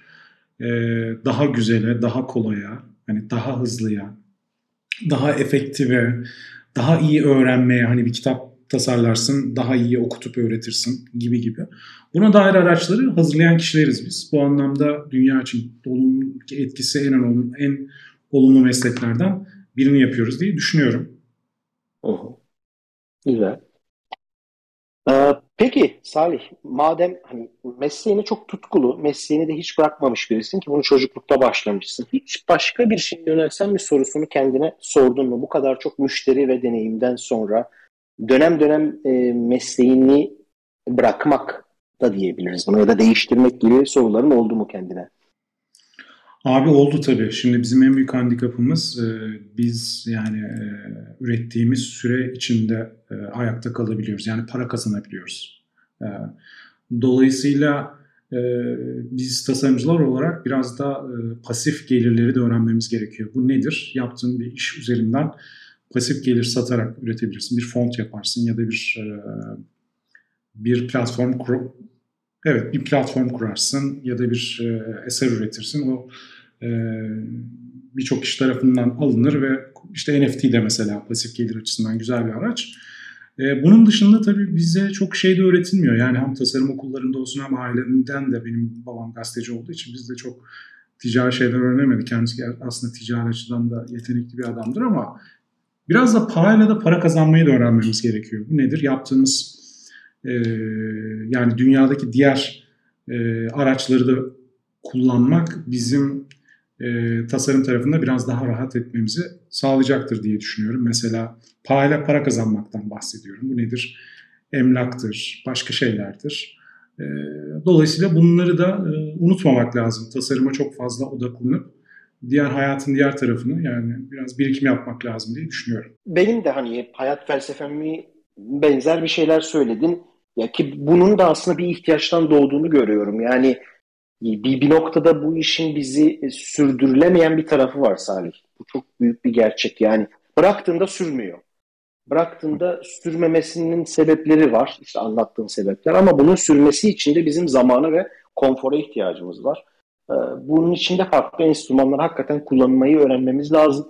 Özellikle bence sermaye ve ekonomi bilgisinin hep de vurguluyorum da bu podcastlerde. Bütün tasarımcıların bunu öğrenmesi şart. Burada basit günlük ekonomiden bahsetmiyorum. Tamamıyla sermaye akışları, e, işte e, kullanılan para birimleri, ülkelerin ekonomileri vesaire. Bunu kendimize bir şekilde hani tasarlama zekamızı e, bu tarz pasif gelirleri de üreterek biraz daha rahat ve yaratıcı olabilecek bir yaşam konforuna sahip olabiliriz diye düşünüyorum senin gibi. Evet mesela benim Avustralya'da aldığım eğitimde Türkiye'de böyle bir şey yok diye biliyorum. Şöyle bir farklılık vardı. Tabii her şey değişti bütün dinamikler ama farklı da bir ülke. Bir ajansı ya da bir tasarım stüdyosunu nerede açmalısın fiziksel olarak? Açtıktan sonra nasıl nasıl yürütmelisin? Muhasebe dersleri vardı. E, hatta e, basic e, programlama dilleri vardı işte kendi muhasebeni yapabilmen için onu kendine özgü formatlara sokabilmek için falan çok enteresan. Tabii bunların birçoğunu ben kullanamadım çünkü Avustralya'da yaşamadığım için daha sonrasında ve nasıl ayakta kalabilirsin bir tasarım stüdyosu olarak? Bunların derslerini de görmüştüm. Mesela e, belki bizim Türkiye tarafında da e, bunları da eklemek gerekebilir şey e, akademik literatüre. Çok güzel bilgiymiş ya. Bu benim hep ihtiyaç duyduğum ve düşündüğüm bir şeydi. Yani matematik dersi, işte ekonomi dersi bunu almalıyız mutlaka. Ama hakikaten Avustralyalılara bak. Güzel yapmışlar adamlar yani. Peki şunu diyor musun bu kadar konuşmadan sonra? Bu işi hayatın sonuna kadar yaparım Mesut. Yani ben üretirim, tasarlarım diyor musun? Abi şöyle tabii sağlık el verdiği sürece ama sen de motosikletçisin ben de motora biniyorum. Hani bir motor kazası geçiririz Allah korusun. Hani elimizi kolumuzu kırarız yani hayat durur bizim için. Dur. Ee, yani bir mail bile mail bile yazamayız yani. Belki WhatsApp'tan falan bir şeyler yaparız. Hani insanları arayarak iş yaptırabiliriz ama çok limitli olur. Ee, o anlamda hani şeye çok e, dikkat etmek lazım. E, pasif gelir konusuna. Yani yazı tipine yönelilebilir. E, burada bizim için, tasarımcılar için e, e, tek ürün e, baktığın zaman şimdi NFT'yi saymazsak yazı tasarımıdır, font tasarımıdır. E, bu tip şeylere e, dikkat etmek lazım ya da işte birikim yapıp e, başka parametreleri, başka dinamikleri daha doğrusu e, kullanmakta fayda var diye düşünüyorum. Mesut bilmiyorum. Sen ne düşünüyorsun? Mesela motordan düştük abi ne yapacağız? Var mı bir cevabın? E işte bu soruları ben de kendime sormuştum e, Salih. Çok da bir hani aşırı bir çözüm bununla ilgili inanılmaz bir şey oluşturamıyorsun ama ben de şöyle yaklaşıyorum olaya. Evet dediğin gibi farklı parasal gelirlere sahip olmak bir bu nasıl ya da kendi mesleğinle ilişkili pasif gelirler noktası. Şimdi sen font tasarımı dedin. Hani bunun dışında benim de önerebileceğim mesela mockup tasarımları, mockup paketleri hazırlayıp bunları inanılmaz güzel hani kurgulayıp satabileceğiniz platformlar var. Bir diğer nokta benim de çok önemsediğim ve yıllardır da aslında ufak ufak buna yatırım sağladığım stok fotoğrafçılık, stok video ve stok illüstrasyon. Bunların da bunları yapması zor. Yıllar alan ya da bu portföy oluşturmak çok uzun yıllar alan bir süreç ama pasif gelir anlamında en azından hayatlarını tasarımcıların bir noktada rahatlatabilecek özellikle iStock, Shutterstock gibi alanlara, platformlara iyi birer portfolyo burada 5 yıllık iyi bir yatırımla yani günlük ya da aylık haftalık belli yüklemeler ve belli kalitenin üzerinde içeriklerle çok yüksek ciddi anlamda gelirlere sahip olabilirler. Bunlar bir de döviz gelirleri. Ha bu arada artık tabii biraz insandan ilgisini çeken NFT'ler var. Şimdi NFT'ye de baktığında iyi bir koleksiyon hazırladığında bunun e, pasif gelire dönüşme ihtimali çok yüksek. Henüz bu market oluşuyor Salih bence. Henüz hani oturmak üzere birkaç seneye tam oturur. Oradan bir nokta gelebilir ama dediğin gibi ben de şeyi hep söyledim kendime. Hiçbir güvencesi olmayan sadece bizim elimize ve beynimize dayalı bir iş yapıyoruz. Bu, bu kesildiğinde, bu musluk kesildiğinde ne olacak? Nasıl hayatta kalırım sorusu korkunç bir soru tabii ki yani. Bence başka mesleklerde de var bu ama bunun önlemini de işte bir şekilde dediğin gibi birikimler yaparak ya da kendi markalarımıza yani başka markalardan aldığımız deneyimleri kendi markalarımıza dönüştürerek e, bir pasif gelire dönüştürebiliriz. Ama dediğim gibi bundan hep kişisel tercihler ve çabalar nok- noktasında geliyor. Hani herkesin tercihi bir noktada. Şeyi de ekleyeyim ben. Creative Market e, pardon şey Shutterstock falan demişken Creative Market şu anda yükselen trend. Hani ilgili arkadaşlar mutlaka siteye üye incelesinler. Şu anda biraz e, sektör o tarafta dönüyor. Her çeşit e, mockup'ından fontuna her şeyini satabildiğim bir platform. Ben kendim de satın alıyorum, kullanıyorum yani işlerimde. Creative Market'te. Bir alıyorum arada sırada. Evet, mockup'larda çok güzel böyle şey diyor. Ee, peki son kapanıştan kapanıştan aslında son sorusu diyebiliriz buna. Sonra da ilham aldığın kişilerin senden listesini yazılı olarak isteyeceğiz hayatta kaldın. Motor kazası da geçirmedin. Her şey de yolunda gitti. 10 yıl sonra kendini e, bu e, işin neresinde görüyorsun Salih? 10 yıl sonra diyelim işte atıyorum 45 yaş, 50 yaş bilmiyorum. Yani ama hangisine tekabül ediyor. Tam olarak Salih hani işte stüdyo garajı Atina'da yükseltmiş mi? İşte ne yapıyor tam olarak? Hani bunu merak Hı. ediyorum. Abi şey e, garaja geçiş sürecim aslında ben biraz da geciktim garaj e, ismine geçişte. Daha önce kendi adımı kullanıyordum şu ana kadar. Hep kendi adıma yatırım yapmıştım. Geçen sene itibariyle isim değişikliği yapıp garaja geçtim. O anlamda garajı biraz daha büyütüp e, biraz daha işin vizyon tarafında, biraz daha yönetim tarafında olmak istiyorum ki ona da başladım. E, diğer tasarımcı arkadaşlarla çalışıyorum. Ben işin daha çok e, yönetim kısmına kaydım. Ta, tabii ki de tasarım benim tutkum. Hala tasarım yapmaya devam ediyorum ama diğer arkadaşlarla daha çok çalışıyorum. Bunu ileride daha e, verimli yapmayı düşünüyorum. E, önümüzdeki 5-10 sene içinde ve pasif anlamda da hani yatırımlar yapıp e, yani artık çocuk sahibi olduğum için pasif bir gelir elde edebileceğim modeller araştırıyorum. Umarım bakalım neler getirecek hayat. Bir şeyler yapıyor musun? Tasarım dışında şu an uğraştığın başka bir şeyler var mı? Farklı alanlar? Abi şey e, bir iki farklı proje var ama onu, onu kariyerimde e, e, çakışmaması adına o şey arka planda ses gibi video prodüksiyon işleri falan yapıyorum. İşte bu arada YouTube'a hiç değinmedik. Hakan Ertan'ın da YouTube'u var. Ben de takipçisiyim. Bu arada epeydir de içerik atmadı. Merakla da bekliyoruz. Artık Zygos'ta çalışıyor Hakan. O yüzden içerik atmıyor. Ee, yani YouTube tarafında, prodüksiyon tarafına da e, es geçmemek lazım. O taraftan da e, gelir elde edilebilir. Doğru. İşte sponsorluk olabilir. Hani direkt reklamla biraz zor tabii de ilk etapta hani sponsorluk olsun farklı bağlantılarla çok iyi para kazanılabilir. Biraz da o taraftan ben hani İngilizce side hustle dedikleri bir projem var. Ama hani kariyerimle çakışmaması adına onu e, gizli tutuyorum diyebilirim. YouTube'a bir şeyler. Bir şeyler var şu an ama kimin yani senin orada olup olmadığını kimse bilmiyor gibi bir durum mu? Evet evet yani ben dış ses gibi bir YouTube kanalım var. Dış sesim yani ben sadece aslında. Hmm. Aha. Vallahi ilginç bir şey tamam. Yani söylemek e, yani şimdi ben de eminim buradaki herkes merak ediyor bunu. Ama ileriki günlerde ben duyacağımıza eminim. Güzel bir şey yaptığını düşünüyorum.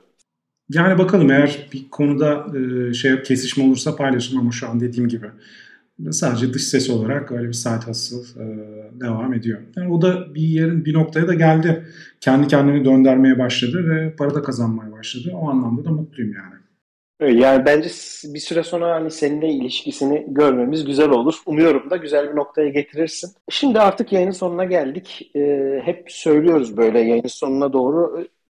Şimdi genç genç tasarımcılara, genç yaratıcılara e, bir sürü şey söyledin onlar için aslında. Hepsini onlar için söyledin ama ya evet ben e, genç tasarımcılara tam olarak şunu söylemek istiyorum. E, dediğin bir şey var mı önerebileceğin ya da son söz olarak söyleyebileceğin, kapanışı yapabileceğiniz? Abi dediğim aha. Yani hep altını çiziyorum İngilizce. Yani mutlaka iletişim e, yeteneğinizi geliştirin, dilinize yatırım yapın. E, çok kapılar açıyor. Yani ben kendi adıma e, konuşuyorum. Ben de açtığı kapıları e, üzerinden konuşuyorum. E, mutlaka dilinize yatırım yapın, e, iletişiminize yatırım yapın ve e, yani denemekten korkmayın, e, hata yapmaktan korkmayın kritiğe açık olun, eleştirilmeye açık olun, yorumlara açık olun. Ee, sürekli üretin. Üretip paylaşmaktan da korkmayın.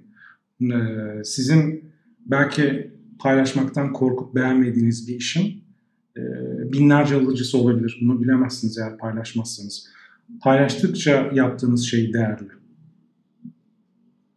Valla e, güzel motive edici şeyler söyledin. Hem de böyle aslında çoğu insanın kafasında düşündüğü, yapmadığı ya da yapmak istediği şeyleri aslında cesaretlendirmiş oldun. Ramazan demiş ki dile öğrenmek için biraz da o dile maruz kalmaya ihtiyacımız var. Dolayısıyla Türkiye'de de çok maruz kalamıyoruz. Gülücük koymuş ama e, bunun içinde Salih sanki kişisel çabalarımızın çok öne, büyük önemi var. Yani evet bizi engelleyen bir sürü şey olabilir hayatta ama sonuçta seni de buralara getiren şey kendi çabaların diye düşünüyorum. Ya tabii ki de kolay değil. Yani özellikle Türkiye'deki İngilizce eğitim seviyesi e, yerlerde hele bizim zamanımızda ben 96-97 e, lise mezunuyum. Oradan hesap edersin. Bizim İngilizce öğretmenimiz İngilizce bilmiyordu. Yani doğru bizimki de öyleydi. Evet evet. Ben Avustralya'ya gittiğimde e, yani az çok hani bilgisayar grafiklerinden, oyunlarından bir şeyler bildiğimi zannediyordum ama sıfırın altıymışım yani. Dolayısıyla kolay değil, hakikaten kolay değil ama şu anda tek bir şey yapın desem ben bir tasarımcı e, adayına ya da gelişme kendisini geliştirmek isteyen bir tasarımcı İngilizce öğrenin. Yani her şeyi durdurun ve İngilizce öğrenin. İngilizcenizi belli bir noktaya getirdikten sonra tasarıma zaten devam edersiniz. Güzel, güzel, güzel bir e, aslında işte al sana pasif gelir.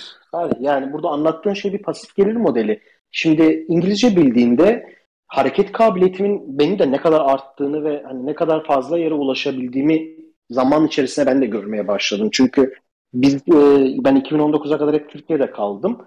Ama Türkiye dışında hep seyahat ettim sadece. Kısa seyahatler oldu bu ama ilk defa kalıcı son 3 yıldır hatta 4 yıl oldu artık yurt dışındayım. E, bunun nasıl bir potansiyele dönüşebileceğini e, hakikaten insan şaşırıyor. Kiminle nerede nasıl konuştuğun ve kimlere ulaşabildiğin, yani bir de güçlü de bir portföyün ya da yaptığın işte iyiyse zaten ulaşabileceğin insanlarda hiç sınır yok.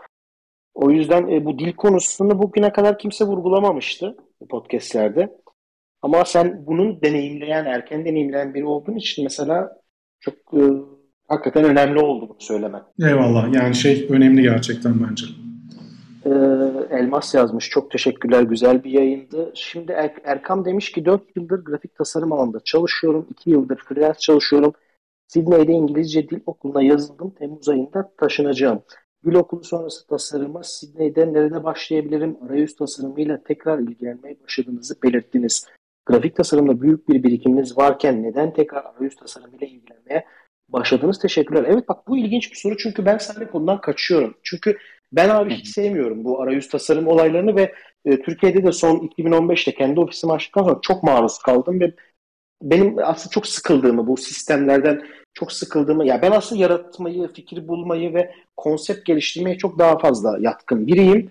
Ama mesela Erkam'ın sorusu da ilginç. Tekrar neden döndünüz? Hani aslında arayüz tasarımı çok e, farklı bir alan, önemli bir alan. Güzel bir soru. Anladın mı soruyu? Anlamışsındır çünkü çok düzgün yazmış zaten Erkan. Evet evet. Evet evet güzel bir soru.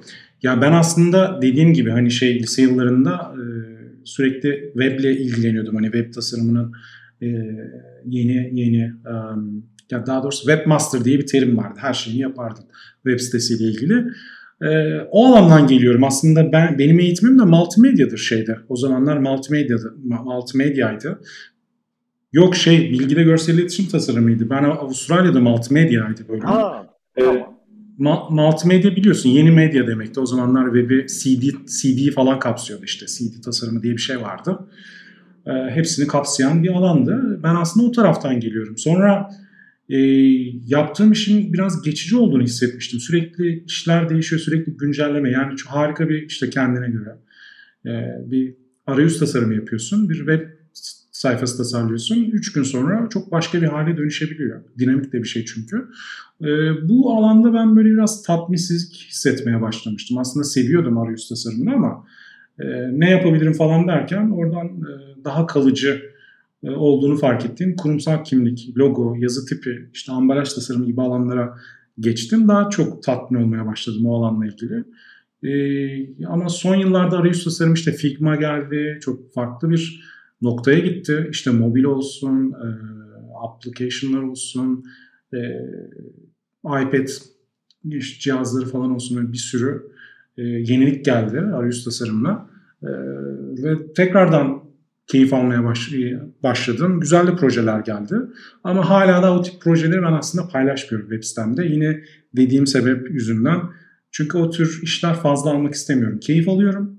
Ama e, diğer ana alanımız olan kurumsal kimlik tasarımı, ambalaj tasarımı ve illüstrasyon, e, destekleyici illüstrasyon daha doğrusu alanında işler paylaşıyorum. Çünkü o alandan e, devam etmek istiyorum. Ama belki e, arayüz tasarımı ile ilgili de vites artırabiliriz. Bilmiyorum. Şu anda keyifli gidiyor. Demiş ki Erkan dil okulu sonrası tasarımda Sydney'de nerede başlayabilirim? Şimdi ben Melbourne'deydim. Sydney'i çok bilmiyorum ve uzun zaman da oldu.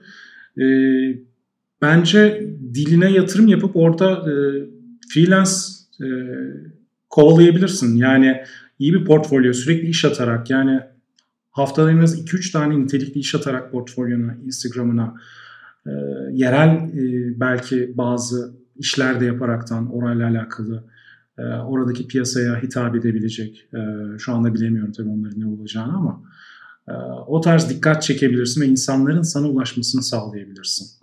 E, onun dışında belki ajanslara ve tasarım stüdyolarına eğer ki e, kendine hazır hissediyorsan işlerini yollayıp şansını deneyebilirsin ki mutlaka dene. Ama günün sonunda e, aynısı iştir. E, yaptığın işe e, odaklanıp diline odaklanırsan e, çok da rahat da para kazanabileceğini düşünüyorum ki ben e, 2000 1999 yılında kazanıyordum. Yani kendi e, orada kendi masraflarımı, ev kiramı vesairemi e, kazanabiliyordum yaptığım işi şey e, mesleğimi yaparak. Çok güzel. Erkam'da zaten çok güzel bir vizyoner bir adım atmış anlattığı yani yazdığı kadarıyla. Umuyorum başarılı da olacaktır. Şimdi Görkem'in e, sen yayına katılmadan önce çok uzun bir sorular silsilesi vardı. Sen bunların bir kısmını zaten cevaplamıştın. Cevapladın e, akış içerisinde. Bir de ayrıca ben hani pinlemesini istemiştim. O da demiş ki freelance bir şekilde hayatınızı sürdürme hakkında tavsiyeleriniz var mı? Birinci sorusu. Freelance hayatın, hayatında zaman ve müşteri yönetimi hakkında neler önerebilirsiniz veya süreci nasıl yönetiyorsunuz? Bu da başka bir soru aslında. Ve son olarak da tasarım konusunda kendinizi nasıl geliştiriyorsunuz?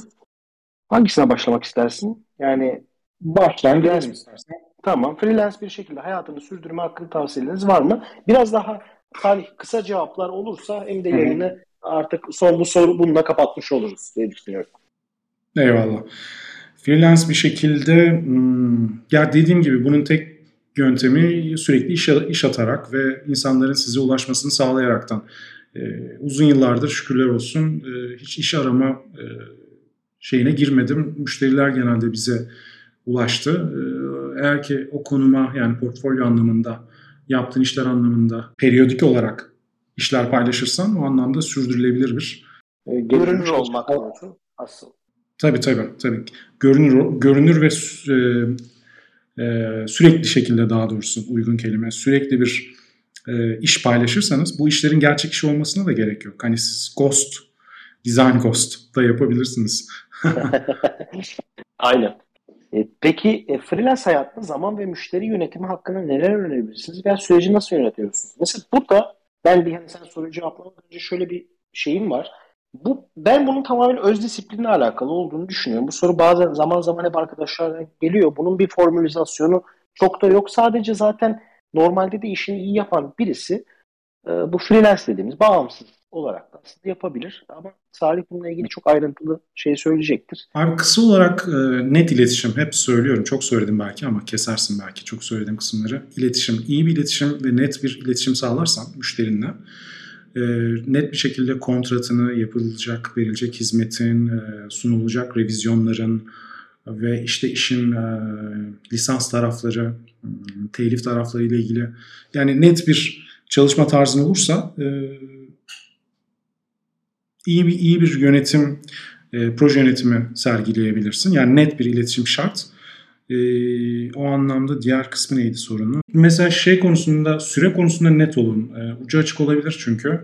Yani mesela bir logo tasarımı yapıyorsunuz sallıyorum. E, bu logo tasarımı e, için şu kadar gün uğraşılacak ya da iki hafta uğraşılacak ya da şu kadar revizyon olacak. Revizyon neleri kapsar?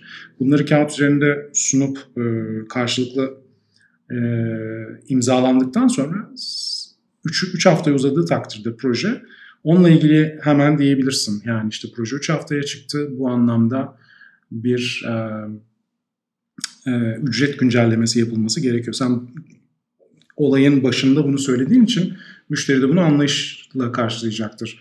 Yani müşteriyi aslında biz eğitmemiz gerekiyor e, sürecimizle. Ama sen bunu hiç baştan söylemez ve net olmazsa, bu konuyla ilgili kendini e, iyi geliştirmeyip tembellik yaparsan dolayısıyla müşteriyle sorun yaşarsın ve sürekli e, kendini sorgular bir duruma gelirsin. Dolayısıyla net olacaksın karşı tarafa. Flexible olacaksın. Ee, karşılıklı iyi niyet ama profesyonellikten de uzaklaşmayarak bu şekilde sürdürebilirsiniz uzun ilişkileri ve iyi projeleri diye düşünüyorum. Bilmiyorum sen çok daha deneyimlisin. Senin Yok yok yani hiç aynı aynı şeyleri uyguluyorum. Hiçbir farkı yok senin söylediklerinden. Tamamıyla işe yarıyor. İşe yaramadığı noktada da zaten e, biliyorsun müşteriyle sürmüyor. Genelde bir, bir denemede anlaşılıyor ya e, bir müşteri iyi mi kötü mü ya da kanıyor mu yakalanacak mı? Dediğin şeylerde hak veriyorum sana. Peki son olarak tasarım kendinizi nasıl geliştiriyorsunuz? Sen aslında hani böyle meraklarını, zevklerini birazcık bize ama hani burada tam olarak Görkem'e ne diyebilirsin? Ya da bu işe yeni başlayanlar için gelişim noktasında sadece bakmak, sadece tasarımı incelemek biliyorsun Salih.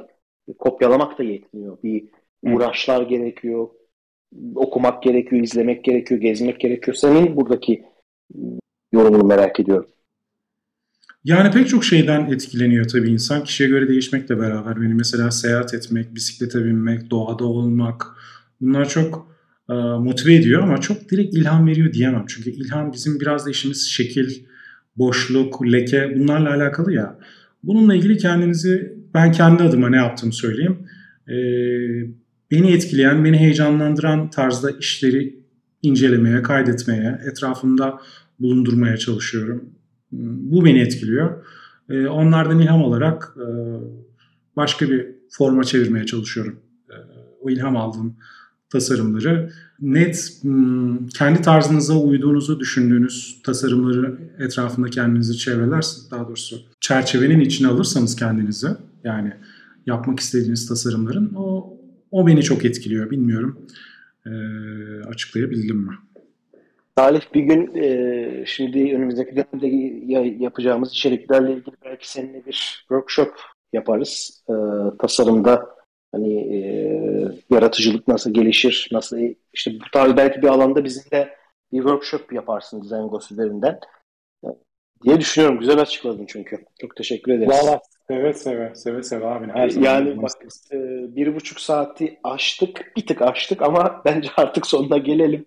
E, güzel de bir yayın oldu. E, bizim eski güzel e, yeni sezona da güzel başladık. Çok da böyle hani e, farklı bir bakış açısı getirdin. Salih çünkü e, şimdi genelde 22 kişiyle konuştuğumda hayatlarının çok uzun dönemini %80'i Türkiye'de geçirmiş tasarımcılardı. Bir kısmı şu an tabii hepsi yurt dışında ama sen çok uzun zamandır e, yurt dışında olan birisin. Biraz daha biraz daha demeyeyim biraz daha bakış açın şeydi.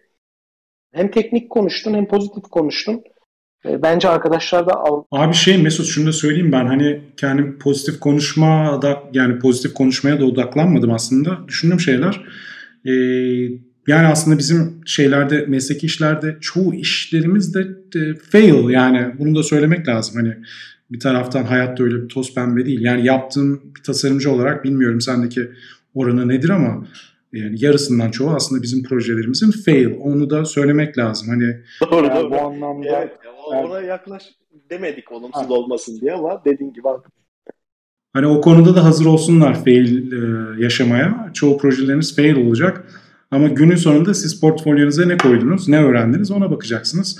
E, o da bir kazan kazanımdır diye düşünüyorum. Eğer ki hani yurt dışında yaşamak, okumak, öğrenmek ya da kendi geliştirmek isteyen arkadaşlar ve soruları olan arkadaşlar varsa bana kesinlikle ulaşabilirler. E, Garaj Design Studio.com'dan mail atabilirler ya da Studio Garaj Design Instagram hesabından DM atabilirler yani.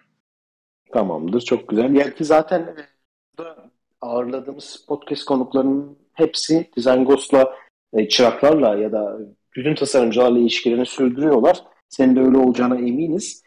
E, şimdi artık programı Salih kapatmak e, istiyorum. Çok güzel bir sohbet oldu. Ben zaten bir e, girişteki e, 5-10 dakikayı keseceğim.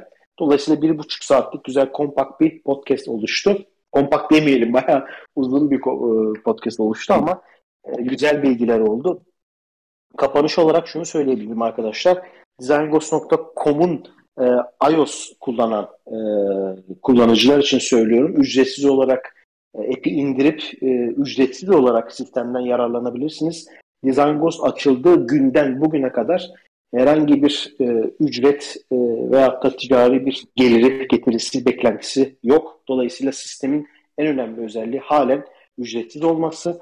Bundan yararlanmanız ve e, fırsatı varken bunu iyi kullanın. Android e, aplikasyonumuz da yolda. E, çok yakında e, bunu da yayınlayacağız. Ama şu an hali hazırda designgos.com platform ve iOS üzerinden hepimizi indirerek sistemimize üye olup ya ya da usta olarak deneyimlerinize göre profillerinizi açabilirsiniz. Salih tekrar çok teşekkür ediyorum yayına katıldığın için. Mü- müthiş bir sezon açılışı yaptık. Tekrar çok sağ ol. Eyvallah Mesut. Çok çok teşekkürler. Hem sen hem de Hakan Ertan çok yetenekli adamlarsınız ve e, mesainizi buna e, verdiğiniz için tekrardan ben bütün e, Design Ghost takipçileri adına size teşekkür ederim. Teşekkür ediyoruz. Görüşmek üzere arkadaşlar. Çok kısa süre sonra tekrar yeni bir konukla karşınızda olacağız. E, tasarımla kalın diyelim. Kalinita dostlar. Ee, Yunanca iyi akşamlar demek. Kendinize iyi bakın.